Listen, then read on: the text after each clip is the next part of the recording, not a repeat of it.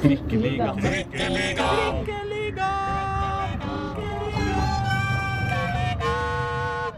Mine damer og herrer og andre, velkommen til Trikkeligaen sesong 4, episode 11. Jeg heter Å, toppserien. Tarapatara. Eh, Å, toppserien. Ja, jeg hørte de kom med en ny, ny sang, ja. Det, er den. Er det det? Jeg vet Ja. Er det sånn? Har de lagd eh, Champs-Élysées-kopi? Beklager at jeg ødela Jeg rakk ikke å introdusere oss engang. Jeg heter Aslak Borgersrud. Med meg har jeg altså en, eh, en fyr her som eh, er så gira på å være eh, vikarierende programleder etter at jeg var borte i forrige uke, at eh, han er jo helt i hundre. Håkon Trond! Nei! Jeg skal være helt ærlig, så syns jeg det er skikkelig digg å ikke være programleder. Og det er deilig å ha læreren tilbake, syns jeg. Ah, topp. Og så har vi selvfølgelig overlæreren. Ja. Skyvelæreren. over- Rektor Solli. Rektor Solli. Rektor Solli er på plass. Yes, yes, yes. Foran den 37. sesongen av Toppserien. Oh, ja. Og jeg har sett alle. Kort og godt. Nei, nå, nå fleiper du. I hvert fall noen av dem. Ja, nei, jeg har jo sett fra først, altså for 37 år siden. Det er ikke, det er ikke lenge Du har ikke sett kamper i Jeg den ikke- øverste divisjonen for kvinner i hvert år i 37 år, Reidar. Har du det? Jo, det har jeg. Det er ganske Det er ikke noe problem, det. Nei, det er ikke noe problem. Det er kjempegøy, men, eh, men likevel. Bull var jo et veldig godt ordslag i begynnelsen. Du har ikke, var, ikke- var ikke én gang på midten av 80-tallet hvor du tenkte at fy faen, i år orker jeg ikke. Nei, jeg måtte innom. Ja, det er rått. Er ikke det bygde ung- Hva heter? Bondeungdomslaget. Bom? Ja. Ja. Nei, men vi tenkte i hvert fall å snakke om Første uoffisielle norgesmester For damer? for damer. Ja. Ja ja, det er jo damer vi snakker om. Ja. Jeg føler lærernes autoritet blir litt dårligere hver gang det har vært vikar. Det er det som er problemet her. ja, det er det. Vi tenkte å snakke om toppserien, Ja. fordi nå er det jo seriestart. I denne helga, er det ikke det? Det ser ut som det er på lørdag. Det er jo, det er jo da Fotballen er tilbake. Det er jo mm, storsatsing. Nå er det jo da også både, både TV 2 og NRK som skal sende dette her, og banke løs med hver sin kamp på, på lørdag. Ja.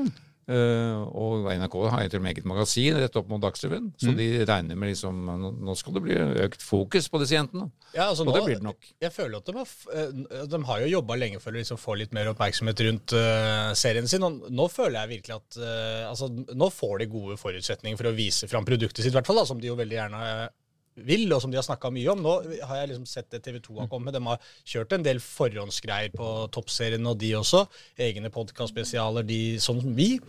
Og, og som du sier, Reidar, med denne, det magasinet til NRK som de får på en måte i veldig gunstig sendetid, da, rett opp mot uh, Dagsrevyen, så, så er det på en måte mulighet for at her kan man uh, faktisk huke tak i litt flere folk denne sesongen. Så det blir spennende. NRK fikk jo ekstremt mye juling eh, i forrige uke etter å ha sendt ut enkameraproduksjoner til å dekke uh, norgesmesterskapet i Ja, fotball for, for menn. Og, og folk som ikke visste forskjellen på Skeid og Lyn, uh, blant annet, var jo populært Ja. i våre kretser. Men, men hvis grunnen til at NRK uh, brukte så lite ressurser på, på cupen, var at eh, de måtte spare dem til, uh, til toppserien Så er det likevel ikke greit. ah, Nå skulle jeg liksom Ja, men det er litt, da er det litt kult. Jo, men er det ikke sånn NRK alltid er? Det er sånn Enten det de gjør, er helt katastrofe, føler, eller noen mener, da. Eller så er det fantastisk bra. På Ja, det- det er en eller andre stort sett hele tida. Det skal jo sies at de kom tilbake til kvartfinalen nå. De ble jo produsert ordentlig og sendt på NRK1 i alle, alle, alle fire. Ja, det er det jeg mener. Når, når den produksjonen kommer, den ordentlige NRK-produksjonen er der, Ja. så, så koser man seg jo veldig med det. Da får man lyst til å skryte av det. For det, da tenker man igjen på å, så deilig det ikke er med den reklamen. ikke sant? Og det, du kan ja, ja. sitte og bare rett fra kamp, rett i studio, masse prat. Masse, det, det er jo et helt magasin, liksom, Ja, istedenfor bare sånn der kjappe treminutter med og så pølser på skjermen etterpå. Husker den tida hvor man hadde et kvarter med analyser av eh, første omgang eh, før andre omgang. Altså, det er jo helt deilig. Men i hvert fall, toppserien. Hvem, eh, hvem åpner eh, hovedstadens stolte kvinner eh, mot? eh, Først ut Solli? eh, er jo da Lyn, som åpner mot seriemester Brann. Oh, ja. På Grorud Arctic Match lørdag klokka 15.00. Ja. Og så er det da den hovedkampen som sendes hver, hver lørdag, kvart på fem. 16.45 på NRK. Mm. Det er da Lyn Nei, Vålinga Arna-Bjørnar. ja. Og det er jo da et lag som har kjempet i toppen mot et lag som har kjempet i bånn. ja. Og så har vi jo Røa. Og så har vi Røa. De spiller også. Når, når spiller de? De spiller borte mot, uh, mot uh, nyopprykka Åsane, Oh, ja! også på lørdag. Og det, er, det er borte, er det ikke det? Det er borte, ja. ja. Så det er også en vrien kamp mot et nyopprykka lag. Det er sånn Ja, Ligaen er jo veldig sånn Oslo-Bergen Ja, ja, nå. Det er Arna-Bjørnar, Brann og Åsane mot Røa, Lyn og Vålerenga. Det det er faktisk Den gøy. Den kampen skal vi vinne. Den, den helga her så blir det Oslo mot Bergen. Det blir det jo ganske ofte i toppserien, men altså den helga blir det reint Oslo mot Bergen. Men Så da si- må Oslo vise. Ja, men du kan, måte, eh, du kan på en måte også si at det er sånn Arna-Bjørnar og Røa, begge to, eh, skal nok kjempe i bånn. Der skal vi ha Røa over. ikke sant, Erna-Bjørnar. Så har du midtsjiktet der, så har du Åsane og, og, Og Lyn. Lyn. Ja. Der skal vi ha Lyn over. Det er det god sjanse for. Jeg tror det er god sjanse for Røa til å komme over Erna-Bjørnar. Og så har du Vålerenga mot Brann. Der skal vi ha Vålerenga over Brann. Hvis vi får alle de tre, Åh, da koser vi oss. da er vi, da er vi fornøyde. Det er, det, er, det er kampen i kampen. Den ekte toppserien. Ja. Og så er vi, er vi jo tilbake til et seriesystem vi skjønner, da. Ja. Etter at man har skrota hele fjorårets eksperimentsesong. Mm. Så nå er det tiklubbserie. Sånn som det var jo på 60-tallet, med halvparten for Oslo. Er, Jeg syns de burde i samme slengen eh, gått ned til to poeng for seier. Hvis det først Ja, det skal være ja, det Hvis toppserien skal være litt sånn retro, eh, litt sånn, sånn som i gode gamle dager, ikke sant? skal vi ha to poeng for seier. Og... Men det viktigste er vel at de har skrota det derre Sluttspillet. Sluttspillet, ja. Ja, ja. Ikke akkurat antall lag. men de har jo da gjort en vri ved å øke til tre kamper. Altså de, Alle lag Ja. møtes tre, ganger. ja, det så de skal jo da ha Sånn var det ikke på 60-tallet. Sånn var det ikke da. Ja, det skal liksom være noe som Noe ikke er i, helt i tråd med vanlig fotball, sånn som vi kjenner det, i hvert fall. Så det blir jo 27 serierunder, da. Med, med ti lag. Unnskyld, sånn jeg trekker tilbake alt jeg sa om gode gamle dager. Nei, men tenk så kult, da. Og hvis, hvis de hadde kjørt det skikkelig sånn god gammeldags, så det var liksom ordentlig med tippekampen og plingfest, og de kunne hatt sånne der, veldig sånne reine, gammeldagse drakter som eh, Ja, nei, altså, jeg syns Skulle sendt kampene i sort-hvitt òg. God idé. ja, Nei, vet du hva, jeg er glad i både HD og farger. Altså. Ja, Det er 4K, syns jeg er ålreit. Ja. Altså, jeg skjønner ikke Jeg husker det jo. Jeg har vært med på det sjøl også, men at vi greide å se på TV eh, før HD, å se fotball på TV før HD, er jo et absurd Det, Det går ikke an. det klarte vi. Men det, er- jeg følte at man da så fotball på samme måte som man, eh, som man egentlig alle ser hockey nå. At det er sånn, hvis Vi skjønner på en måte at ballen er der omkring Ja, fordi at spillerne beveger seg i det området. Ja, og så har vi og så er det et par-tre folk vi greier å kjenne igjen på banen hvis de har litt flagrende hår. eller Ja, er litt ja, ja. sånn, Men sånn i hovedsak så er det sånn ja, Ok, nå er ballen ute på vingen der, det er vel sikkert han. Kommentatoren var viktigere før. Da han sa at det var Jostein Flo og ikke Tore André Flo som hadde ballen. Men eh, toppserien begynner altså i helga, og eh, Dagsavisen, eh, denne eh, vidunderlige trykksak som, eh, og nettsak altså, som, eh, som vi jobber i, har jo da lagd et eh, tabelltips, har vi ikke det da, Solli? Jo, ja, det har vi gjort. Mm. Jeg og delvis samarbeid med vår venn Pål, som Mm. sitter eh, helt andre steder, eh, og har sendt inn sitt forslag. Og så har vi samkjørt dette og landa på en konklusjon som er ganske lik TV 2 sin, som eh, er den eneste jeg har sett ute i offentligheten så langt. Det er typisk at vi ikke får være med på dette, Håkon. Ja. Men det er deilig, Men jeg. er det. Fordi jeg kommer til å ta kreditt for det hvis det treffer, og så kommer jeg til å slakte det hvis det er gærent. Enig. Så, og da, Vi må jo da også legge til at den, den er jo litt rar denne sesongen nå pga. VM-sluttspillet i sommer. Så det er jo nesten to måneders pause midt på sommeren der. Så da kan jo mye, mye skje. Så de spiller fra Nei, nå da kan ikke mye skje. Da skjer det ingenting, da. Jo, det kan skje mye i klubbene. De kan spille ut, spille inn. Ja, sånn, ja. ja. Ja, ja, ja.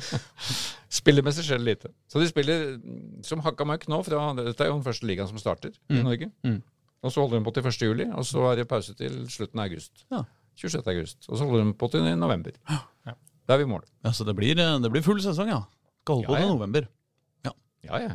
Vi skal fryse på toppseriekamper også i år. Ti lag, ett går ned, ett spiller kvalik. Arna Bjørnar går ned. Ferdig med det. Ja. De skjønner det etter, etter åpningskampen mot Vålerenga på lørdag. Ja. Um, Avaldsnes med Jon Arne Riise Ja. skal igjen spille kvalik. Ja. Altså nest sist.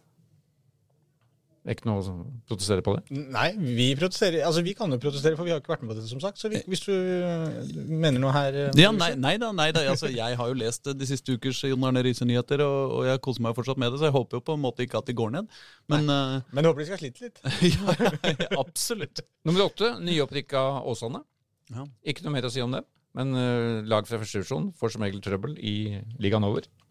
Nummer sju, Røa. Som ja. da i fjor klarte seg med et nødskrik. De, de, det var denne berømmelige sesongen hvor de sa at hele sesongen var en oppkjøring til kvaliken. Ja. Som de skulle klare seg, hvor de skulle redde plassen. Og det gjorde de. Men hvorfor skal det gå så mye bedre nå? Er det fordi Arna-Bjørnar har svekka seg? Fordi Åsane Fordi, Er de de er, og fordi Avaldsnes er de de der? fordi Røa viste den styrken de gjorde i fjor høst, da de vant, Sto Kolbotn, de spilte uavgjort mot Lyn og LSK og heiste seg betydelig Da det gjaldt. da det gjaldt. Og det har de skjønt at i år skal de være på fra start. Ja. Altså, Røa klarer seg. Så når jeg da i stad sa sånn Røa foran Arna-Bjørnar og Lyn foran Åsane, så har vi rød, til og med Røa foran Åsane. Det er deilig. Da har vi to bergenslag bak før det kommer vår første. Ja, bra. Vi kommer tilbake til en liten samtale da, det må vi si, med disse noen Røa-spillere, og ikke minst Geir Nordby, som går vel på sin 26. sesong som trener i toppserien. Men fortsatt mangler han elleve år på deg. Ja. Men eh, jeg har ikke leda fullt så mange lag som han. da. Nei, nei. Og har, Nei, men det er ikke vunnet. Han har fem, han har fem seriegull og fem cuptitler. Ja. Ingen i Oslo har mer. Det er nå så. Seks Stabæk. Da er vi halvveis. Er De, de nådde jo sluttspillet i, i fjor. Litt overraskende. Ja. Har fått av den gamle tippeliga-toppskårer Petter Belsvik som eh, ny hovedtrener. Uten at det hjelper så mye. For han kan ikke skåre Jeg tror ikke han kan skåre. Nei, nei, nei, nei, nei. Sitter med Lars Bohin og Petter Belsvik der ute. For herre- og damelag. Ja. Ja. Ja, ja. Og så kommer vi da til våre venner i Lyn, Ja. som gjorde jo en kjempesesong i fjor, egentlig, ved å være, tangere dette sluttspillet. De klarte jo nesten å være inne blant topp fire, så nå har vi dem på femteplass. Mm. Tom Stenvold har eh, forsvunnet. Han var jo en suksesstrener. Det er da Oddbjørn Sindland som har overtatt det laget, men han har, det er da han som i praksis har trent laget de siste årene, mens Tom var eh, manager. Tom var bare poster boy og et eh, vakkert ytre. Og det Postume Lyn er jo de, de har jo et av de yngste og mest lovende lagene i Norge, og alle er beholdt. Det eneste man har mista av betydning, er jo da Katinka Tandberg til Sverige. Og det er ganske sjelden for Lyn sin del. Ja, De pleier å miste miste de tre beste spillerne hvert eneste år. Riktig. Og det har jo vært mye fokus på Camilla Melgaard og Julie Jorde, som liksom er de store talentene. Men de er blitt, og dette tror vi på. Så får vi håpe at de får klare å bygge litt atmosfære da på Grorud. Fram til de skal, som da blir hjemmebanen i hele vårsesongen. Ja. Fram til de skal på Ullevål stadion og møte Vålinga der 3. juni. Lørdag 3. juni. Da vil de ha 5000 tilskuere. Det er målet. Mm. Ja. Innsigelser? På 5000 tilskuere, eller Lyn på femte? På Lyn på femteplass? Eh, nei. Hvorfor skulle det være det? Eh, jeg Altså, Jeg begynner å bygge meg opp en annen innsigelse, men den får vi komme tilbake til når vi kommer dit. Ja. At du ville ha flere tilskuere? Nei, nei, eh, nei. nei. Det, det fins jo en sang om eh, Ullevål stadion når Lyn har hjemmekamp der, eh, som heter 20 000 tommeseter. Ja. Og det kan være den er litt optimistisk. ja, men det blir jo flere. Ja, det er det. Ja. Det blir jo flere tommeseter enn det. Ja. Ja. Det er til og med mål om man skal være flere. tommeseter. Nummer fire, LSK kvinner, med vår gamle mm, landslagspresse-storskårer André Bergdølmo som ny hovedtrener. Der var det jo kaos i fjor. Vi kom ikke til sluttspillet. Det var jo ille. Det var jo fullstendig Men det var jo ikke, det var ikke bare at det ikke kom til sluttspillet. Det var- jo konkursspøkelser og fullstendig og spillerflukt og fullstendig katastrofe. Og så mener du at de skal komme helt opp på fjerdeplass året etter? Det, er der, det er der jeg er nysgjerrig. Ja, Det er fordi André Bergdølmo har kommet inn som en fornuftig kar på trenerbenken og altså fått litt eh, nytt spillemateriell inn. Ja. Men uh, noen flere argumenter enn det har jeg ikke. Nei, nei, nei. Nei, Det blir spennende å se. Det, Det er muligheter for Lyn her, da. det er jo ingen tvil om at herretoppspillere uh, har gjort det veldig bra som trener i toppserien. Ja, det har vi jo sett. Nei, Jeg, jeg tenkte jeg var tilbake på Jon Arne Riise. Ja, jeg, jeg prøvde å tenke etter om det var. Men da har vi både Belsvik og da, Bels- og Riise. Bels og Berg og Riise. Ja. Men, eh, men sånn jeg tolker det, så kan det jo høres ut som det kanskje er eh, liten mulighet for Lyn til å kunne klatre enda noen en plass, i hvert fall ja. høyere. da. Ja, ja, ja. Kommer til å være med, Får håpe Lyn i hvert fall er med i den kampen der. Lyn tangerer medaljekampen. Om å komme til eh, det fiktive, det ikke lenger eksisterende sluttspillet. Hva har du på tredjeplassen, da? Da har vi Brann på tredjeplass. Oi, oi, oi. Fordi de har eh, De vant jo i fjor. Fordi de vant i fjor. Nei, fordi de, fordi de da har mista noen eh, nøkkelspillere fra i fjor. Ikke minst Guro Bergsvann. Mm. Datter av den gamle VIF-legenden. Oi, hva het han igjen? Jørn? Nei. Nei, nei, nei. Ber, Ber, at, eh, Bergsson? Berg- Jo, Jo, Bergsson. Bergsson. Ja. Ja, ja. Som er daglig leder i Kjelsås fotball i dag. ja. Beklager, jo. Hun har jo så mange, ja, som, så mange havna i, i England, og var jo en klippe i det forsvaret i, i Bergen. Men så har de da fått inn Andrine Stolsvo Hegerberg, selvfølgelig, på midtbanen. Det er en spennende tilvekst. Det er jo et navn vi har hørt, det også. Ja. Men jeg er ikke ikke imponert veldig i treningskampene. Men, men det er jo, det, dette er jo nesten umulig å forutsi. Vi ser jo, disse lagene har jo møtt hverandre internt nå i treningskamper. VIF, Brann og Vålerenga, som alle tipper eh, på disse øverste plassene. Og de kampene har da internt endt 1-1, 2-2 og 3-3. Ja. Og slik vil det antagelig fortsette. Men navnet høres så skummelt ut, på en måte. Andrine Stolsmo Hegerberg. Ja, absolutt, absolutt, skummelt, absolutt. Men vi får vente og se. Men skal du nå ta andreplassen, eller eh, hopper du rett på førsteplassen nå? For jeg syns det er litt artigere hvis du tar første nå. Enig. Hvor, hvor, hvorfor det? Jeg syns alltid det er en bedre måte å lese ta, sånn, eh, stillingen på. Så når, Hvis du har vært med på en quiz, for eksempel, så er det Ja. 20 lag, Ja. og skal du lese de fem øverste, så leser du 5, 4, 3. Ja. Og så ikke to, for da blir det sånn, da skjønner jo alle hvem som har vunnet. Så det er mer riktig. spennende å få høre hvem som har vunnet. Ja, og så får heller andreplassen får sånn hyggelig applaus rett etterpå. Sånn. Ja, jeg skjønner det resonnementet. mange. For da, det er jo kjedelig, kjedelig å begynne å snakke om den som blir nummer to, når du da skjønner hvem som har vunnet. Ikke sant? Så la oss gå rett Hvem vinner? Vinneren av Toppserien 2023 er Vålerengen! Er det sant? Det er sant. Har dere Vålinga på topp? Vi har, Jeg mener vi. Ja, ja, ja, ja, ja, vi, ja. ja dette er vår felles liste. Dette er jeg, står jeg Vålerenga på topp, 100 Og inne dere skal snart få høre Nils eh, Lekserød forklare hvorfor. Ja, men kan ikke du forklare hvorfor først? Ja, det er fordi at de har fått inn eh, Det en av litt spillestil. For at de har jo da mista Dejana Stefanovic til England, som var jo da ankeret på midtbanen. Og da må de, eh, har de lagt om litt. Det, det blir et mer kontingsterkt lag. De har fått inn mye mer tempo. Det er jo da mm, disse svenskene eh, Linn Vikius fra Eskilstuna og Felicia Rodzic, som begge kommer fra svensk fotball og setter fart i dette laget. Og det har, det, dette har vi sett litt i treningskampene også, at de delvis har eh, fått til. Mm. De spilte jo 3-3 mot, uh, mot um, Rosenborg, som nevnt. Hvor da um, hvor det da viste at de har, de har flere alternativer på topp enn bare Elise Thorsnes, som skal fortsette til dels fra 200 skåringer og oppover. Alle vet at Mawa Sesai snart skal skåre 200 skåringer også. Ja da, Hun kommer vi tilbake til, forresten. Oh, ja. Eh, da er det en logisk konsekvens av dette at Rosenborg blir nummer to. Ja. Så høflig applaus til dem. Ja. Fordi oh, der, der har det egentlig ikke skjedd noen ting. Verken ut eller inn Mm. av betydning. Nei, og det kan jo være, som kjent, både positivt og negativt. det. Veldig ofte positivt, hvis man klarer å beholde det som var et godt lag, og bygge bare videre på det. Så er jo ofte det skummelt nok, det. Og så har da vår kollega Pål argumentert litt mot uh, Vålerenga på topp, fordi den skal ut i mesterligakvalifisering til høsten og en, kan få en stor belastning. Og hvis de da blir rammet av noen skader mer enn andre, så kan det svekke dem litt. Men jeg tenker skader kan ramme alle. Ikke Ja, og vi minst, tenker vel strengt talt at det kommer ikke til å bli med liksom 10-15 poeng de vinner. Dette her, altså Det er tre lag som kan vinne i sånn utgangspunktet, da. Alle de tre øverste er jo Ja, ja. en del av den kampen. Og det Helt kommer riktig. til å bli jevnt. Helt riktig. Det er ikke noe oddsbombe om noen av dem, altså uansett hvem de vinner. Nei. Det tror jeg. Jeg har ikke sjekka noen odds, men jeg tipper at det er ganske likt. Altså, den forandrer seg jo nå. I det øyeblikket denne blir publisert, så kommer jo oddsen til Ja, ja, da, Da har jo allerede vi lagt inn bong. Sånn er det jo. Ja. Nei, men uh, på så hyggelig at denne eh, med resten av eh, på en måte disse um, argumentene kan man kanskje lese i fredagens Dagsavisen? Eller? Det tenker jeg nok vi kan gjøre, ja. Ja. Det legger, vi legger opp til det. Ja, Men da kanskje skal vi høre på Nils først, da. Hvorfor dette her? Ja, ikke først, da, fordi du får ikke le... Jo, ja, det blir først, ja. Ja, nå? Ja, Som lytter. Vi Ja, ja, det er det jeg mener. For å lese avisa kan man ikke gjøre før på fredag. Nei.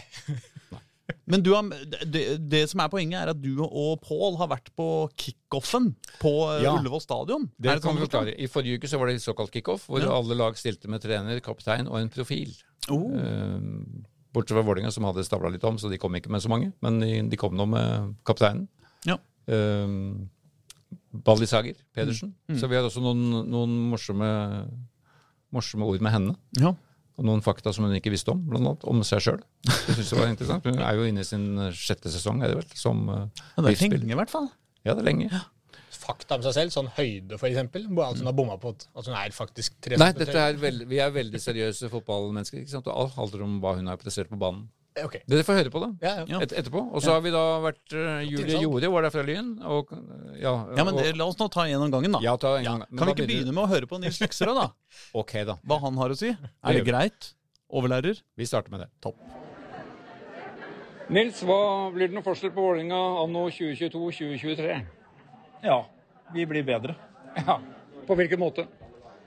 Vi har fått uh, noen flere strenger å spille på. Uh, vi har jobba i vinter med å kunne spille med tre spisser. Uh, brukte første delen av preseason til å jobbe med det.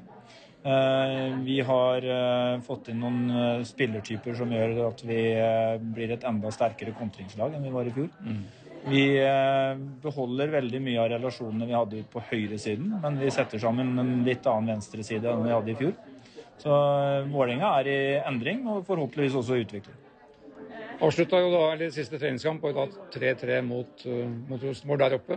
Um, Skåring hat, hat trick i, i, i, laget. Hvordan, hvordan, ser det ut nå, halvannen uke før? Jeg er enig med det Bali sier. Jeg, jeg, syns det ser bra ut. Vi, eh, jeg syns vi har hatt en god preseason. Vesentlig bedre enn i fjor. Først og fremst fordi vi har fått matcha oss mot nye, bedre lag, som har gjort at vi har måttet strekke oss til et høyere nivå i de kampene vi har spilt. Og da også fått se hva vi har hatt behov for å jobbe med. Um, og så uh, er vi ikke helt der uh, som vi var på vårt beste i fjor. Uh, og i løpet av denne sesongen her så må vi opp på et høyere nivå tror jeg, enn det vi var på vårt beste i fjor. Så vi har fortsatt noe vi må, vi må jobbe med nå i starten av altså fram til sesongen begynner, og kanskje også litt inn i sesongen, for å komme opp på et enda høyere nivå enn der vi var på vårt, vårt beste i fjor. Så veit vi jo at du er relativt opptatt av å komme ut i Europa med dette laget. Og i år får vi sjansen. Hvordan ser du på det? Det ser jeg på som en veldig viktig utfordring for oss. Jeg merker det at det er noe som, som trigger hele klubben. Det, det, trigger spillerne, det trigger støtteapparatet, det, det, det trigger de menneskene rundt. Uh, og så er jeg opptatt av at vi må se på det som noe som forsterker hverandre. Uh, jeg tror ikke det er noe motstridende mellom å skulle konkurrere i Europa, konkurrere i serien, konkurrere i cupen. jeg tror tvert imot at de tingene bygger opp under hverandre på en, på, en, positiv måte. så det er, det er, noe vi ser fram til. Men først så er det 18 serierunder og to cupkamper før sommeren. Ja, det er hyggelig. Det, kommer først. Ja. Eh, en stor forskjell er selvfølgelig at Rana Stefanovic er borte. Hun har jo vært veldig synlig de siste sesongene. Mm. Er det en enkeltspiller som skal, skal erstatte henne, eller er det systemet du, du kjører? Det er, alltid, det er alltid, laget som, uh, som, er det som vinner kampene til slutt. Det er aldri enkeltspillere som, som, vinner noe over tid. Altså Enkeltspillere kan avgjøre kamper og være utslagsgivende i noen enkeltsituasjoner, men, men, men, det er styrken i laget som betyr noe over tid, og avgjør om, uh, om du vinner gull eller ikke. Uh, og jeg syns vi har erstatta Deki på en god måte. Både at den spilleren vi har henta inn for å erstatte henne, Linn Vikhus, er en veldig god spiller. Uh, hun er annerledes. Mm. Så det betyr at uh, vi får en litt annen dynamikk i midtbanen vår. Men det gjør også at vi får brukt de andre spillerne på en, på en litt annen måte, som kan få fram enda mer styrkene deres. Litt inntrykk av det jeg har sett, at det er også litt større tempo i laget? Ja, blant annet. Altså, vi, blir et, eh, vi blir et hurtigere lag. Eh, vi får en, jeg sier med dynamikken i midtbaneleddet blir litt annerledes. Ja. Blir favorittbildet det samme som i fjor? Ja, Hva mener du med favorittbildet? Favorittbildet i toppserien. Og så blir det de samme lagene som blir, blir de tre-fire øverst? Ja, det, vi, det, er jeg ganske sikker på. At eh, de tre øverste lagene kommer til å være oss, Brann og Rosenborg. Og så eh, Målet vårt er jo å være med i den kampen der. Og det er klart, når du først er der, og vi skal jakte det gullet, så har vi jo ikke lyst til å stå igjen uten. Nei. Nei. Flott. Det var Nils Lekserød, det. Det var Nils Lekserød. En optimistisk hovedtrener. Stine Ballesager Pedersen er jo da fortsatt kaptein. Mm. Kåra til årets spiller i Danmark i, i fjor. Det er uh, litt av en prestasjon. Årets danske fotballspiller. altså Spiller stopper på Vålerenga. Ja.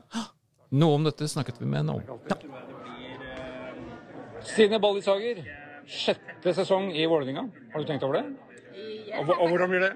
Jamen, det blir forhåpentlig endnu bedre enn alle de andre sesonger. Uh, vi hadde en god sesong i fjor og håper på å gjøre det enda bedre i år.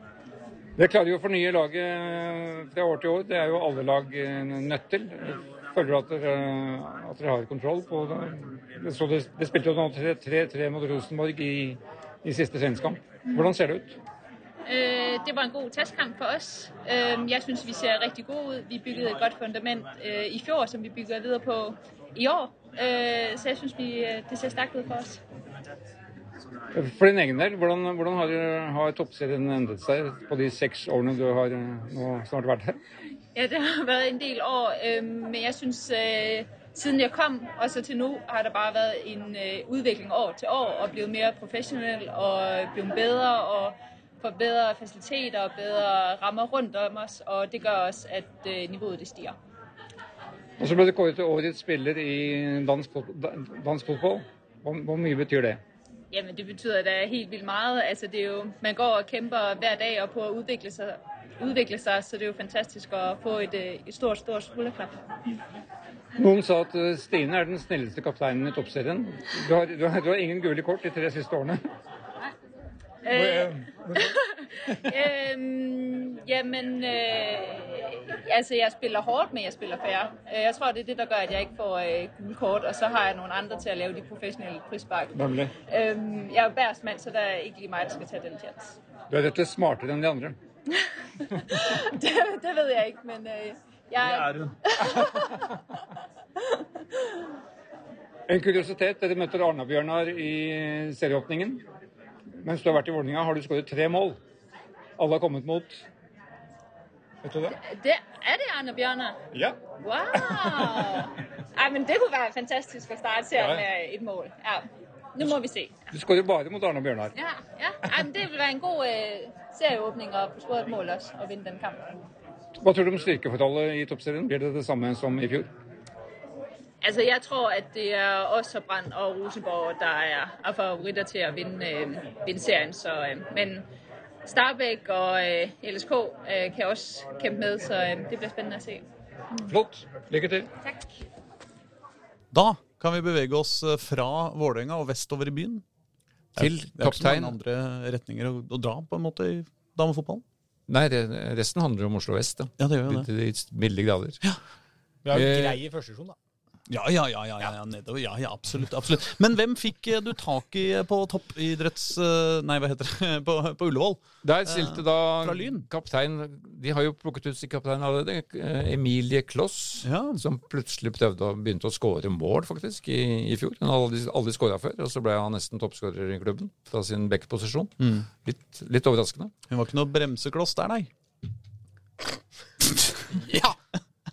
Unnskyld. Ja ja, det er men ordspill, ja. Nei da, men Emilie Kloss er en ambisiøs eh, spiller. Studerer medisin på heltid ved siden av og spiller fotball på topp øverste nivå. La oss høre hva hun sa. Doktor Kloss. Emilie Kloss, kaptein Dyn, eller Doktor Kloss som noen kaller det. Hvordan kobler du medisinstudier og toppfotball? Nei, det er krevende til tider, det. For tiden er jeg i praksis på Hønefoss i seks uker, så det er pendling inn og ut av Oslo for å rekke treninger og praksis. Så eh, dagene går. Det høres ganske intenst ut. Altså, og da er du i, i full jobb kort og godt, i Hønefoss? Ja. Ja. Hvilken retning innen medisinen? Vi er ikke noe medisinsk trikkeliga, men vi kan jo ha en liten antydning. Eh, Jeg syns barnelege er spennende, og så Ja. syns jeg akuttmedisin er veldig spennende. Så kanskje en av de to. Så kommer jo regjeringa da med varsel om at fastlegeordningen skal få masse mer penger, så det er vel sikkert du glad for òg? Kan jo være noe å tenke på det òg. Det er ikke så fristende akkurat nå, men kanskje etter hvert. Til fotballen. Hvordan ser Lyn ut nå elleve dager før seriestart? Eh, Jeg syns vi har hatt en god oppkjøring. Vi har jo egentlig hatt ganske god kontinuitet. Vi har ikke mista så mye spillere nå etter sesongen. Eh, Og folk blir jo et år eldre, så jeg tror og håper det lover bra. Ja. Er, det noen spillemessig endring i det Lynlaget vi får se i år? Eh, Det er vel mer at vi blir bedre på det vi prøver på, og bli mer utfordra på ting som man kanskje ikke tenkte at vi hadde forutsetninger for å klare før. da. Eh, Men vi ønsker jo å være et spillende lag, eh, så det blir vel å bygge videre på det vi har gjort tidligere, ja. Så framsto du som en liten målskårer i fjor. For første gang kanskje sju mål. ja. Eh, hva skjedde? Nei, det lurer jeg også på. Jeg har jo aldri skåret før i fjor, så sånn sett så var det kanskje på tide. Ja. Vi lagde en avtale med trenerne før sesongen om at eh, nå måtte jeg begynne å lage litt mer målpoeng, så da fikk jeg vel det sparket jeg trengte da. Det betyr at vi ser det ganske ofte fram i banen. da. Ja, det håper jeg på. Ja. Sp- Spilles, altså Lyn blir jo, får jo veldig ros for talentutvikling og masse unge spillere og, og slikt, men eh, hvor viktig er det å ha den miksen av rutine og, og ungt talent for å hevde seg i toppserien? Jeg tror egentlig det er ganske avgjørende eh, at man har en eh, stamme i laget som eh, har noen år på baken, selv om de fleste er jo yngre enn meg. Jeg er jo nesten den eldste, jeg er ikke så gammel jeg heller. Men det er også veldig spennende med de unge, sultne spillerne som kommer nedenfra, og som kommer med veldig mye energi inn i gruppa. Så en god miks der syns jeg er veldig fint. Og så får du en utfordring det å lage en slags hjemmeatmosfære på den andre siden, siden av byen. Hvordan jobber dere med det? Eh, vi har jo eh, Vi fikk jo prøve det litt i fjor. Lærte jo litt av det. Eh, og så blir det jo en del kamper på Grorud nå fremover òg, så vi må jo bare prøve å begynne tidlig å bygge arrangement. Og har jo fått nye arrangementsansvarlige også, så prøve å få litt mer ramme rundt. Så må jo vi også som spillere prøve å bidra og bygge produkter og få det ut der. Så ønsker du da serielederen velkommen i, i første match. Er det, er det fordel å møte dem med en gang? Ja, så skal vi henge med og ta steg fra i fjor, så må vi ta de utfordringene vi får. Så det er like greit å begynne, begynne med en av antatte topplagene. Ja, godt. Lykke til. Takk. Det var kaptein Kloss. Det var kaptein, Og så har vi da en av de store profiler, Julie Jorde, som er da Jeg må bare slutte med sånne ordspill. Jeg skjønner, hvis du hører på Kloss, så må jeg bare si jeg skjønner at du har hørt alle disse vitsene tusen ganger før. Hver gang du har møtt noen, har du hørt de vitsene. Så jeg skal slutte. Jeg skal prøve å skjerpe meg. Ok, Unnskyld. Vær så god, Reidar. Ja, du, real, du er en klossmajor, rett og slett. Nå kan du begynne med nye ordspill hvis du vil. Altså Julie Jorde. Du, du, du kan, kan jo sette i gang den der òg. Oh, ja, ja, ja, ja. Ja, helt på jordet. Mm. Nei, altså Hun er jo da, ved siden av å være kanskje Lyns, et av Lyns største talenter, også kaptein på dette J19-landslaget, som mm. som sagt var i, var i, i EM-finalen i fjor. Tapte på overtid for Spania. Og nå skal de ut i kvalik i påsken, faktisk, mot, uh, mot sterke nasjoner. Og der ble troppen nettopp tatt ut. Ja. En tropp på 20 spillere, så altså halvparten fra disse Oslo-lagene. Mm. Så det betyr at det er ganske mye talenter i, i 18-19-åringer i Oslo-fotballen. Jeg tar lista, jeg, før vi setter over til Jorda. Ja, gjør, ta lista, du. Fordi det er jo hyggelig lesning. Vålerenga har da fem jenter med ja. i denne troppen. Emma Iversen. Yes. Lina Klekk. Mari Nyhagen. Stine Brekken. Mm. Og så din yndling Mava Sesai. Ja, bra. Samt Lyns uh, trio Maria Fink. Mm. Apropos nei, nei, ordspill. Ikke nei, nei, Julie Jorde og Camilla Melgaard. Uh, så kan vi også nevne Katinka Tandberg, da, som også spilte i Lyn i fjor, men som nå spiller i Sverige. Mm. Også med den gjengen. Og så har Røa fått med Mia Hambro Svendsen, og så er det til og med en spiller fra Øvre Hosle, men det jo, tangerer jo vårt dekningsområde. Mm -hmm. Men vi syns jo det er hyggelig å nevne Vendela Bakke, da, at hun også er en del av den troppen. Ja. Men dette All denne unge entusiasmen skal da Julie Jorde øh, også spille ut i Lyn denne sesongen. Så la oss høre hva hun sa. Julie Jorde, en av Lyns utallige mange unge talenter. Hvordan ser det ut rett før seriestart? Jeg er egentlig veldig positivt eh, innstilt. Nå er det jo eh, elleve dager igjen, så man merker at det begynner å skru seg litt til. Så eh, vi er en spent gjeng som sitter på Kringsjå og gleder seg til sesongstart. Du kommer jo allerede, har jo hatt allerede noen opplevelser med noen lagvenninner med jenter 19-landslaget. Du har slått både Frankrike og Italia i år. Ja. Kom til finalen i EM i fjor. Mot, dramatisk finale mot Spania. Um, hva tar du med deg fra disse landslagsopplevelsene inn, inn, inn, i klubben? Nei, selvfølgelig så er det jo flere av oss som har vært innom eh, aldersbestemte landslag og fått eh, litt eh, internasjonale referanser sånn sett. Og så når vi da er i mesterskap og er samla og får yppa oss mot det beste, så selvfølgelig så tar man jo med seg erfaringer og ja, kunnskap fra det man lærer der, selvfølgelig. Så jeg tror det bare kommer positivt med inn i gruppa. Det bygger vel litt selvtillit at dere spiller jevnt med og delvis slår Europas beste lag? Ja, det gjør det absolutt. Så ja, nei, Vi ser egentlig bare frem til uh, fortsettelsen med Jenter 19-landslaget utover våren morgen også. Det blir spennende. Vi spiller jo kvalik nå i uh, april, så på hjemmebane faktisk. Så det blir utrolig spennende, og det gleder vi oss masse til. Det har vært mye fokus da på deres treningsbetalt på Kringsjå, på et lappeteppe som ikke henger helt sammen. Og som ikke er godkjent for spill, faktisk. Men hvordan er treningshverdagen deres? Nei, som du sier, så har det jo vært litt stusslig i forholdet oppe i Kringsjå nå de siste månedene og for så vidt året også. Så vi trener jo der og gjør det beste ut av situasjonen, selvfølgelig, men eh, så er det jo ikke optimalt. Så vi starter vel eh, sesongen på Grorud hvor vi har, eh, var fornøyd i fjor, og så får vi se hva som skjer utover sesongen. Hvor vi har blitt, fått, blitt fortalt at Oslo kommune skal fikse opp i det lappeteppet som vi har på Kringsjå. Du kommer fra Abelsø opprinnelig, så du, du, er jo Oslo øst-jente. Så du, du kommer hjem nesten. Jeg er ikke langt unna, i hvert fall, så trives på den siden av byen. Lykke til. Takk, takk. Det var, eh, det var, Lyn, og da, er, eh, da, har vi kanskje en, en klubb til i byen da, som du har eh, fått møte noen fra, eller? Da skal vi enda mer, enda mer vest, lenger vest, mm. hvor da den massive trenerveteranen Geir Nordby tok med seg kaptein Sara Alexandra Suphellen mm. og og midtbanespilleren Ragna, Ragne Hagen Svastuen fra Otto. Ja. Artig, artig fyr. Eller artig jente. Så da tok vi rett og slett en samtale med de tre samtidig. Ja, ja, ja. ja og om, om, den merkelige sesongen i fjor, opp mot at de skal glede folket i år. Kaptein Røa, dere vant to kamper i hele fjorårssesongen, men det var jo veldig godt planlagt når de seierne kom, på riktig tidspunkt. Men uh, vi er tilbake igjen i, i normal tabelloppsett, og det er dere kanskje glad for? Ja, vi er jo glad for det. Det er jo det alle ønsker seg. Det er jo mye artigere å ha kamp og faktisk ha noe å spille for. da, At du spiller for poeng hver helg. Uh, og Det er jo det som vi syns er absolutt artigst. da. Uh, ja. Det var jo ikke sånn at vi planla i fjor å gå på x antall tap eh, for å så vinne. Vi går jo for, for å vinne. Mm. Geir Nordby, vi snakka med deg for et år siden, og da, da var jo du inne litt på det, at eh, sesongen begynte i september med det sluttspillformatet som var. Men eh, vi kan ikke vente til september i år. Nei, i år har vi lagd en annen eh, slagplan. Vi har et litt bedre rusta lag som eh, skal prestere fra første kamp.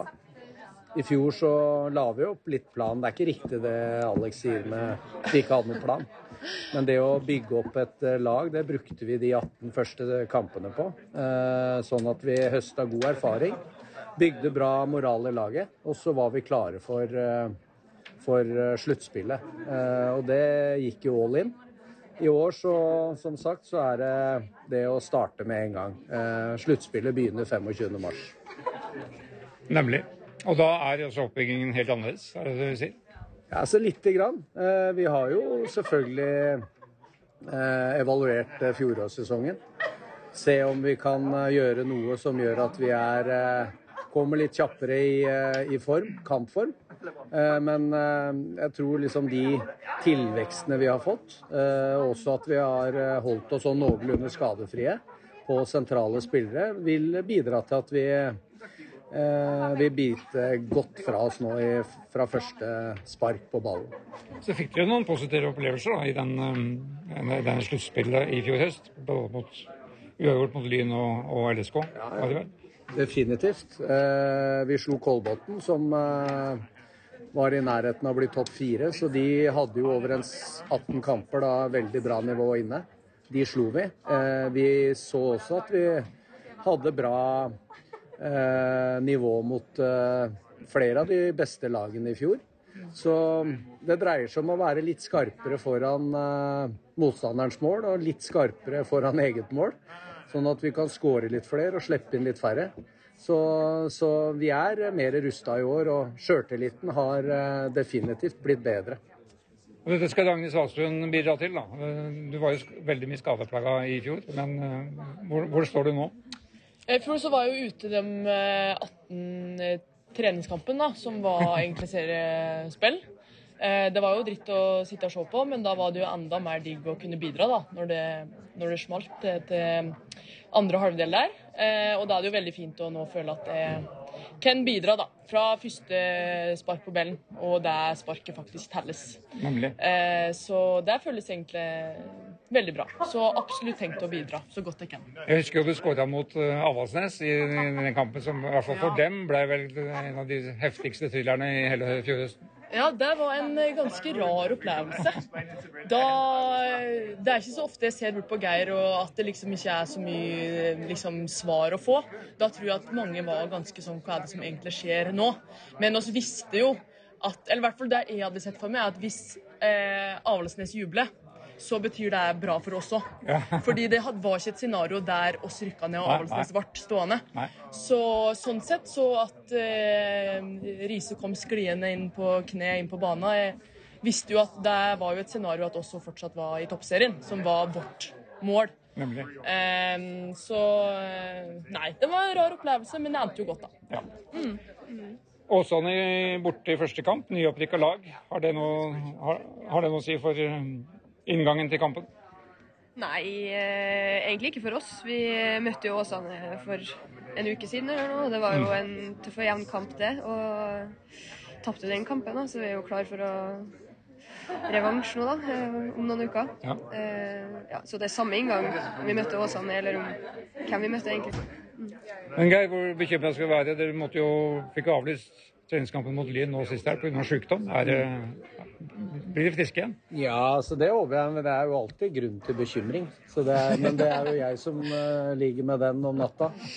Så 26 år, det er eh, få timer. Jeg gleder meg til eh, jeg kan sove en eh, hel natt. Men eh, nei, altså vi, vi har jo Jeg håper at vi har blitt ferdig med det nå før, eh, før det braker løs, sånn at eh, alle er på beina og vi kan være så sterke som mulig. Eh, men litt bekymra er vi. Rød er mestvinnende Oslo-lag eh, totalt sett, kvinner og menn, i antall titler. Bruker dere det noen grad? Nei, jeg, det bruker vi ikke så mye tid på. Det er eh, veldig sånn ferskvare, det vi holder på med. Men eh, samtidig så er det mye vi må investere over tid. Så det er klart at mye erfaring og kunnskap og, og det er jo det vi prøver å bruke også eh, nå, og utvikle og bygge videre på. Eh, men som sagt, det er eh, mye ferskvare i det vi holder på med. Ragne, hva blir største underholdningsfaktoren på Røa for de som kommer dit i, i år? Eh, det blir jo å se Røa eh, spille fotball. Ja. Og eh, alt det innebærer. Så skal jo oss gjøre eh, alt oss kan, og det er også gjort, for at eh, det oss presterer er av god kvalitet. Eh, så det er jo det vi ønsker, da. At folk går fra Røabanen og tenker at nå har sett en, en god fotballmatch. Mm. Eh, det er det som vi skal bidra med. Jeg skjønner at dere definerer dere ikke inn i gullkampen, så da kan jo dere for, fortelle om det, hva, hva blir tabelltipset som disse andre baler med rundt her? Nei, men altså for å henge meg på litt eh, Ragen, så altså vi spiller jo aldri kjedelige kamper. Eh, det kommer alltid til å skje noe eh, når Røa spiller, og det er underholdning i seg sjøl. Og så ønsker vi, jeg mener at vi er gode nok til å prege litt toppserien i, i 2023. Eh, og den blir stadig bedre. Eh, og så har vi mange gode personligheter som eh, vil lage mye ståhei. Vi har jo Toby annet som er crazy, crazy man. Eh, så det er klart at eh, med litt den entusiasmen, trua og, og, og galskapen som vi har i laget, så tipper jeg vi skal uh, karre oss til en uh, rundt sjetteplass. Ok. Mm. Så skal vi komme og sjekke den. Sjekke Ja, den. ja, det er bra. Takk skal du ha. Lykke til. Da. Men det har altså skjedd ting i en uh, tilstøtende idrett uh, som noen kanskje har hørt om, nemlig herrefotball. Også, siden sist. Det er kanskje samme idretten, altså. Jeg har hørt om det. Andre regler uh, for deltakelse. Det har uh, riktignok ikke Der er jo lenger til seriespill, dessverre, men eh, i det minste har det foregått noen treningskamper og litt overgangs... Uh, Kamper? kamper. Og eh, sikkert mange personlige indre kamper også, for alt hva jeg vet. Nei, men Vi kan jo eksempel begynne med Vålerengens herreidrettsforening, som spilte mot Strømsgodset på lørdag. Fredag, ja. Ja, jeg sa fredag. Lørdag, sa Ja, fredag. fredag var det. Jeg, jeg tør ikke å si noe. Jeg overprøver ikke læreren, men når, fint at overlærer kan komme inn og rettlede. Det er jo gøy når eh, vi da Da har vi jo i det minste fått se Jørgen Isnes som Strømsgodset-trener på Intility. Det er jo litt artig. gøy? Ja, det, det er litt, litt eh, Ja, litt annerledes. Det er jo vi, vi jeg, jeg har sånn På Fotmob så følger jeg alle sånne spillere som har vært Oslo-profiler. Altså, man har liksom litt lyst til å følge med på hvordan, hva de gjør ute i den store verden. Hva gjør nå Tobias Christensen der ute i Østerrike, eller hvor han er? Jeg har du det på han. telefonen din der nå? Ja, ja, ja. Kan du ikke gå inn og finne henne? Nei, nei, nei. nei. Men Det eh, siste som ligger der? jeg syns det er litt det samme med Jørgen Isnes. At Absolutt. eh, det er litt sånn hyggelig å følge med litt, Ja, ja, litt med. Da. Men uh, Vålerenga vant kampen 3-2 etter at uh, det ble snudd uh, en milliard ganger fram og tilbake. Vålerenga leda, og så uh, snudde Strømsgodset til 2-1. Og så snudde Vålerenga det tilbake til eh, 3-2. eh, med bl.a. Glim, et glimrende mål av Petter Strand, langskudd. Et uh, enkeltmål av Odin Tiago Holm, og en herlig, et herlig samarbeid mellom keeper Magnus Sjøeng og din helt, uh, Dikko Eng. Um, Ja, det var sånn én én langpasning og mål. ja, ja, ja. Dette liker vi. Dette er Så enkelt kan det gjøres. Det er som Norges eneste scoring i fotball-EM i 2000. Ja. Ikke eneste, men den første. Steffen Men det er vel ikke til å komme seg unna at Fagermo Altså Hvis vi skal tro det vi har sett i treningskampen i år, så er det noen endringer i Fagermo-stilen uh, i den retning. Uh, det er litt mindre etablert eh, Litt mindre å insistere på etablert spill. Litt mer forsøk på overganger og, Ja, litt mer og direkte spill. raskt. Ja, litt Ja. mer direkte. Ja. Og det er jo interessant, da. Men det er, er vel noe som egentlig alle lag Altså Hvis man skal spille etablert, så må man jo være Man må jo true i, i lengderetning av og til også. Det, det er jo det som er liksom det vanskelige å få til med å spille den type fotball. Mm. Dette er jo samme som Isene snakka om i alle år med KFM òg. Liksom, ja, holder mye på ballen og har possession, men det var liksom han sto jo ofte på sidelinja samtidig og sa men det er jo altfor dårlig. Det skjer jo ingenting. ikke sant? Ingen som truer inn bak. Vi, vi må, det hjelper ikke å bare ha ballen. Man må utrette noe med noe. Da må man noen ganger Nei, men Det er jo kanskje overkant direkte, det, det målet der, da. Men jeg tror ikke det er liksom en sånn Nei, nei, men Det er greit å ha den planen der. Og, Koffa var jo Norges Barcelona da, da Isnes kom, overtok. Ja. Han måtte jo gjøre en endring på det. Ja, det er det. Det er, ingen som, det, er, det er jo egentlig ingen lenger som vil spille den derre den der den der fra sto, virkelig storhetstida til Barcelona, hvor, hvor liksom man liksom spiller og spiller og spiller og spiller helt til det andre laget sovner, og så triller ballen igjennom. Det var en five-a-side som gradvis bare flytta Ja. seg litt gradvis oppover i banen. Ja, og Hvis ikke det skjedde noe når man hadde kommet fram til 16, så flytter de det gradvis Det tilbake igjen. ja. Så det var jo utrolig kjedelig, men det, er, det, det krever jo enorme ferdigheter for å bare kunne spille Det er veldig få lag da, for å kunne spille på den måten. Men eh, det er i hvert fall eh, en endring der, tror jeg, likevel, i hvordan Ja. Vålerenga spiller. Og det er jo uh, Men ikke det, det, det var det jeg mange mente, at det bare er en endring siden. de har klart nå å Ja, ja, få det, til. det, det, kan, det, kan være. Ja. det kan være. Men vi skal jo bale oss gjennom et tabelltips snart på den, den gjengen der òg. Snart. Og det er jo litt bekymringsfullt, syns jeg, hva, hva, de, hva Forsvaret der viser. Ja da, ja da, det er det. Det, er altså det første målet til eh, Strømsgodset, da er det altså et eh, Det er på corner. Eh, og så kommer en sånn ganske kort på, Mm. mot forstanga, og så går tre Vålerenga-spillere opp i duell med hverandre ca. halvannen meter foran der hvor ballen detter ned. Uh, og det høres jo ganske tåpelig ut, og det så uendelig tåpelig ut også. Så han, eh, han Strømsgodset-spilleren, hvem det nå var, jeg husker ikke, jeg husker det var Herman Stengel som slo corneren, men Ja, var det gikk opp i duell med Valsvik eller Wilsvik? Det var vel be, En av de, går en, en ja, ja.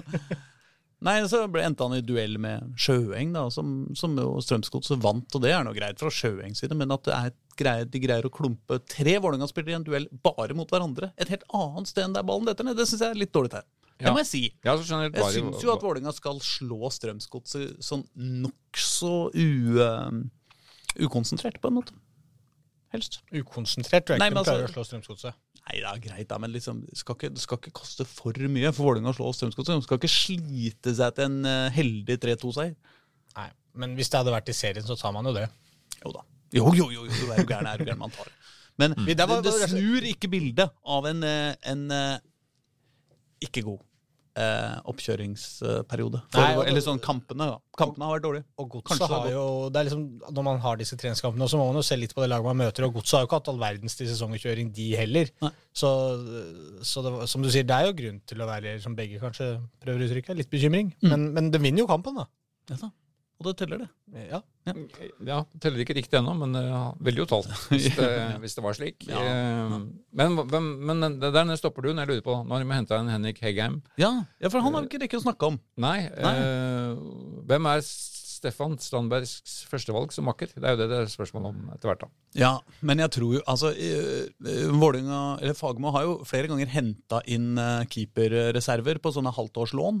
Eh, Ja. Og det har han nå gjort eh, på stoppesida med Henrik Heggheim. Og, og sjøl om Henrik Heggheim er en veldig ung og lovende stopper, han spiller jo egentlig i Brøndby og er bare 21 år gammel, så, så eh, er jo, tyder jo sånn, sånn jeg ser det, tyder på at eh, det, det lånet tyder på at Fagermo har fortsatt tenkt å følge planen, som er å få Aron, eh, Aron Kiel Olsen eh, eller noe. altså få en av de han har i troppen, da, til å, til å funke. Og til å, til å bli et uh, bra um, Til å bli en bra kombinasjon Eller et, lage et bra stoppepar ut av en av de, en av de han har der.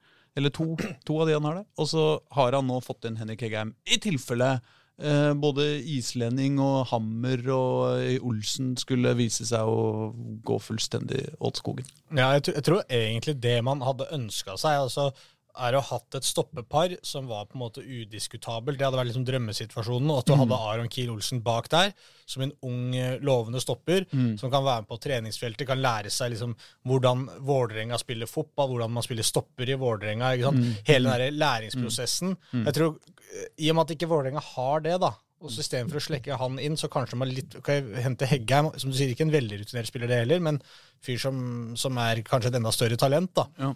Sette de to der nå fram til sommeren. La Aron Kiel Olsen ikke få på en måte hele eh, det, eller alt det presset på skuldrene fra første serierunde. La han få liksom være med gjøre seg enda litt mer, mer varm der, og så tar han over fra sommeren og ut som fastmakker. Det kan jo være tanken der. Ja, og så må det vel også planlegge et scenario uten Stefan Strandberg. da. Det er jo Ja, usikkert hvor mange kamper, kamper han får spilt. Mm. Så disse to andre må vel også samkjøres. Men, men uansett hvordan man vrir og vender på det, så er på en måte situasjonen litt sånn eh, Litt vanskelig for dem, da. Fordi det er ikke en optimal situasjon uansett hvordan de vrir og vender på det, for å hente inn en 21 år gammel midtstopper på lån fram til sommeren. Det er på en måte litt sånn Ja, han er en god spiller, men det er ikke på en måte, han har ikke blitt Vålerenga-spiller. Han er på lån. Eh, og du har noen andre unggutter Det virker som de ikke er helt Det, føler seg ikke, det er helt åpenbart at de som klubben heller ikke føler seg helt trygge da, på, på denne posisjonen. Ja, ja, ja. Og at de har nå, nå er de altså oppe i tre uh, på en måte stortalenter Ja, på stoppeplass. De skulle nok gjerne hatt to rutinerte der. Mm. Og så Unnskyld, fire stortalenter på stoppeplass Ja. har de nå, egentlig. Men hadde de hatt de to rutinerte, så kunne man kanskje ikke sant, da kunne av og til spilt med én en rutinert, én ung, og, Mm. og så et par rutinerte i én kamp. Og så hadde det vært litt enklere for de unge gutta da, å, å komme inn i det. Men pff, jeg, jeg har jo såpass tro på han Kiel Olsen ja, at jeg tror han fint også kunne bare gått rett inn og klinka til fra start. Ja, men eh, Mm. men jeg, eh, det er ikke jobben min. Nå skal vi se da, nå skal vi møte da Hekken Mm. I Göteborg på lørdag. Eh, Allsvenskmesteren Ja, ja. under Per Mathias Høgmo. De, og, og så ringte jo da Fagermo til Per til Mathias og sa at uh, vi kommer, men eh, jeg aner ikke hva vi kommer med. Mm. For 15 mann fra salen er jo ut- ute Ja. pga. diverse landskamper, inkludert alle de mistopperne vi har snakka om. Så det var snakk om å låne spillere fra Hekken for å få gjennomført den eh, kampen der. Og det er såpass, ja. Såpass. ja. Å, ja. ja. Så, men, men noen tar den med seg. Det er en glimrende situasjon når du har en uh, veldig kaotisk situasjon på stoppeplass og ikke aner hvilket, spiller, hvilken, uh, hvilket par du skal begynne med, og så ender du opp med å låne en spiller av motstanderlaget når du skal spille treningskamp. Men da blir det Fredrik Olrup Jensen i hvert fall, som eh, en av de midtstopperne, tenker jeg. Ja. Ja, Ja. Men, men det er jo litt merkelig. Jeg vet ikke, disse som er ute på landslagsoppdrag, er det helt ut av det blå at alle de skulle på det, eller er det jeg tenker sånn, Nei. Hvorfor legge en treningskamp til akkurat da når de ikke har spillere? Ja, nei, det, kan du, det er et godt, godt spørsmål. Det kan, jeg sånn vet ikke når denne treningskampen mot Hekken på en måte kom i orden heller, men det pleier jo å Men det er være ganske- klart god tid i forveien. Det er ganske lenge siden det, og vi visste at, de- at de da eh, sannsynligvis har veldig få tilgjengelig av sine egne spillere. Ja. Så han, eh, slik jeg skjønte på Fagermo, så hadde han jo nesten spurt om å få den avlyst. Men det- det- for Høgmo var det viktig å få gjennomført kampen, for det er deres generalprøve da, for han før allsvenskan. Det er bare noe med, det er bare noe med når Høgmo bare nærmer seg Norge, så blir det rør. Liksom. Nei, det er sant. Har det vært noe flere Altså, og så er det jo litt spekulasjoner rundt Magnus Bekke Risnes, som eh, Tromsø skal ha lagt inn et bud på. Skal hente han nå? De skal hente han òg, men, Ja. eh, men det har jo både Joakim Jonsson og Fagermo sagt til oss at det, det sitter veldig langt inne å selge han nå. For han, Mm. han er jo den eneste, han er den eneste som har delvis har slått seg nå inn i startelveren til, til, til Vålerenga. Han har jo spilt mer enn noensinne i, i vinter. Ja. Og dette er en kar de vil signere sjøl, sa Joakim Jonsson. Tromsø er på hugget nedi, nedi gryta vår hele tida, føler jeg. Ja, De ja, har gode erfaringer da, med folk de har henta før. Ja. Så De fikk jo tak i Paintsil til slutt. gjorde det. En Fikk masse tak i folk som heter Oppsal. Årflot. Sekarias Oppsal skårte jo nå Ja. mot Brann i cupen, så jeg. Eller Lillestrøm, var det vel. Ja. Men det er nå så. Det blir sannsynligvis nei. Ja. Hvis ikke da Tromsø har en vanvittig investor som blar opp masse penger. Vålerenga trenger penger òg, det er det som er Mm. utfordringen der. Kjell Inge Røkke trenger litt boost i nord om dagen, har jeg hørt. Så. Og så melder da noen var Nettavisen har vel meldt at det er et par nye En nigerianer blant annet på trening, VIF-trening i dag, Ja. på prøvespill. Mm. Men vi får ikke vært der, for vi sitter her. Sånn er det. Eh, Men dette kommer vi sikkert tilbake til. Absolutt. Men da kan vi kanskje bevege oss vekk fra Vålerenga. Da kan vi bevege oss vekk og til disse andre lagene som eh, gleder oss. Jeg var på Skeid Arendal på lørdag. Ja. Eh, Dette, dette var jo den siste kampen på Nordåsen i fjor, i den kvaliken for Ja, å berge plassen. Mm. Da var Skeid vant 6-0. Så dette var da åpningskampen i år på Nordåsen, og da vant det 5-0. Oh, ja, Så Arendal kan jeg si at de har et godt tak på.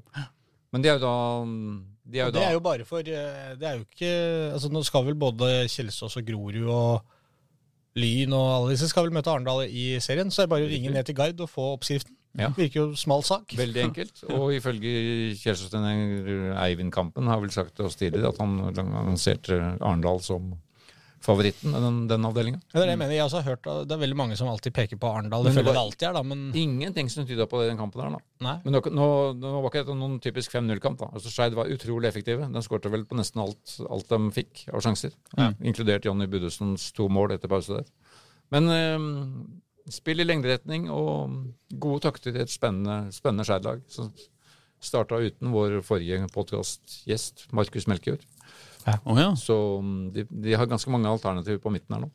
Men um, Er ikke det sånn man alltid blir litt stressa når, eh, når, eh, når det hotte overgangs... eh, Den, den hotteste overgangsmarkedet plutselig ikke møter opp på treningskamp? Ja. Han møtte opp, Å ja, han men bare det var meningen at han ikke skulle spille. Ja. Ja, det gikk ikke på manglende oppmøte, nei. Han nei. relativt Han fikk ikke fravær av ikke overlærer Solli. Nei. Nei. Nei. Så Markus er i trygge hender. De har forresten kickoff i torsdag denne uka på Soria Moria. Med dunder og brak. Skeid? Og Morten Berre på scenen, Ja. ikke minst. Ja, det er ikke verst, for det er vel ikke før uh, godt ut i april de skal begynne å spille fotball. Dette altså er altså samtidig med Eliteserien 10. april. Ja. Annen påskedag. Ja. Og Da skal de starte borte mot Sandnes Ulf. Men dette er lenge til. De møter vel da Ja, de har jo Lyn. Da. De har jo spilt mot Lyn etter at, denne, etter at dette vi snakker om nå, kommer ut. Ja. De har Lyn på Nordre Åsen nå om noen timer. ja. Vi skal opp dit. Og så har de Fredrikstad på, på søndag. I Fredrikstad.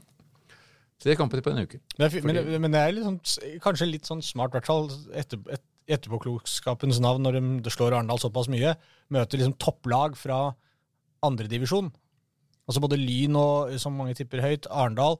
For det er sånn lag som du, du bør jo være bedre enn på papiret. Og når de da får det ut også, så, så kan man si at det, jo, men vi, vi slo et andredivisjonslag. Vil noen si, men så er det sånn, jo, men det, var, det er et topplag fra andredivisjon, så dette er faktisk en veldig god prestasjon. Mm. Så det er spennende å se hvordan de gjør det mot Lyn nå også. Ja, Det har er vi fått jevnere. Jeg tipper jevnere enn 5-0. Det er ikke Det noe tipper jeg høye oddser. Har vi da noen eh, flere Har det skjedd noen flere kamper? Ja, for det var jo da full Oslo-happening i LSK-hallen på søndag. Mm. Først spilte Kjelsås og Frigg. Hei! Um, Frigg vet jo litt om, de har bytta ut eh, nesten alle lag nå. Men Kjelsås vant 3-0, da. Mm. For å ta, ta kortversjonen. Eivind Kampen var veldig fornøyd med det, det direkte spillet. Som de, det er veldig mye snakk om direkte spill her nå. Ja, det er det. Men um, Eivind Willumsen og Rasmus Winge og Patrick Askengren skåret da for Kjelsås. Så er det litt pussig at da tilbakemannen fra Ullern, Jens Aslaksrud, Mm. ennå ikke har skåra i noen treningskamper. Nei. Han er jo den nye spissen deres etter, Ja, ja, ja. etter Midtskogen. Men uh, han venter vel til serien begynner, da. Bondeaslak, som jeg kaller han. Uh, følger vi nøye med på. Ellers merker vi oss at da eh, vår gamle venn Terje Kirsebom selvfølgelig står i mål for Kjelsås. Og selvfølgelig var det clean sheet. Clean sheet. Og så synes jeg, jeg må bare få sitere et morsomt sitat fra mm, Magnus Aadland, treneren til Frigg, som han sa til vår mann i LSK-hallen. Fordi som sagt, han brukte jo fem-seks nye fra andre klubber.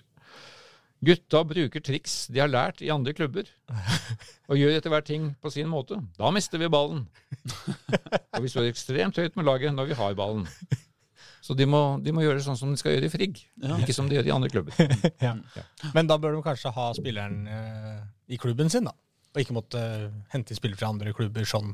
Ja, men nå har de jo vært i Frigg noen dager, da. Eller noen uker. Ja, noen dager. Så det kommer seg nok, dette. Ja, det gjør det nok. Ja, da. Men, men det mista jo eh, Frigg har jo, hvis man ser bare opp mot den spillerstallen som de hadde ved sesongstart før forrige sesong, også på ett år, på en måte, da, hvor mye utskiftning altså Det var jo veldig mye utskiftninger der i løpet bare av den sesongen i fjor også. Ja. Så det er jo veldig mye følelser som det har vært Altså, Jeg tror, føler at Magnus Odland sitter og tenker sånn jeg går på eh, repeat hele tiden her nå, på en måte, for jeg må hele tiden eh, forklare folk hvordan jeg vil at vi skal spille fotball. på en måte, og Det er veldig få som på en måte er igjen og som kjenner til dette og som kan hjelpe en, føles det som. da. Så, Men det er vel noe av det de har lært i andre klubber som er nyttig, kanskje i Frigg nei, det er bare tjuvtriks og, Og tabber. og tabber. ja. Hvordan, Også- der I andre klubber så lærer man hvordan man ikke spiller som Frigg. Og i kampen etterpå så møtes da Grorud og Alta, og der vant Alta 1-0. Grorud sliter litt med uttelling. De, eh, hadde, de viser mye, mye bra spill i, i oppbyggende spill, men sliter med, med uttellingen Ja. og avslutningen. Dette skal du mer inn i dybden i seinere. Håkon. Ja, men øh, Og så må jeg nevne at første, runde, første kvalikrunde i, til NM i 2024, Ja, som fordi ikke er cupen som vi nå holder på med Hva da? I 2024? Nei, tjue- nei, nå begynner jeg å rote òg. Ja, nå begynte jeg å bli For nå har vi holdt på med cupen 2022. Ja. Det er det Vi vi er i kommet til Men den er nå Oslo ute av, så den er vi ikke så opptatt av Den lenger. cupen fins ikke. Nei. Og da er vi er over for på cupen 2023. 2023. Inneværende Nye år. muligheter. Og der pågår da kvali kvalikrundene til første Ikke runde. sant? Ja. Og der er det jo mange Oslo-lag som er involvert. Da. ja, for der er Oppsal og Ja, så der skal vi da dekke storkampen på fredag. Oppsal-Heming. Åh, Det blir Ja. Fordi det- begge har kommet seg videre. Som jo var veldig irriterende at ikke det ble Oppsal mot Manglerud. Star. Ja, for Manglerud Star tapte jo da i forrige runde. Ja. For Heming, var det ikke det? Jo, i vintersportsderbyet. Hockeyklubben mot langrennsklubben. Ja. Så det viste at langrennsløperne var best. Ja. Men nå da, Oppsal det er jo en fotballklubb, så det kan bli verre. ja, ja. Oppsal skal jo igjen rykke opp eller, fra tredje divisjon. Eh, Ja. Mens uh, Heming igjen skal rykke opp fra fjerde divisjon. Men, uh, nei, men morsom duell på Når var dette, sa du? Dette er på fredag. Fredag kveld. Herlig. Mm. Trass opp. Trasopp. Da har ikke jeg mer. Ikke jeg har mer, eller? Jeg har masse mer, men det tar vi seinere. Topp. Ha det! Ha det.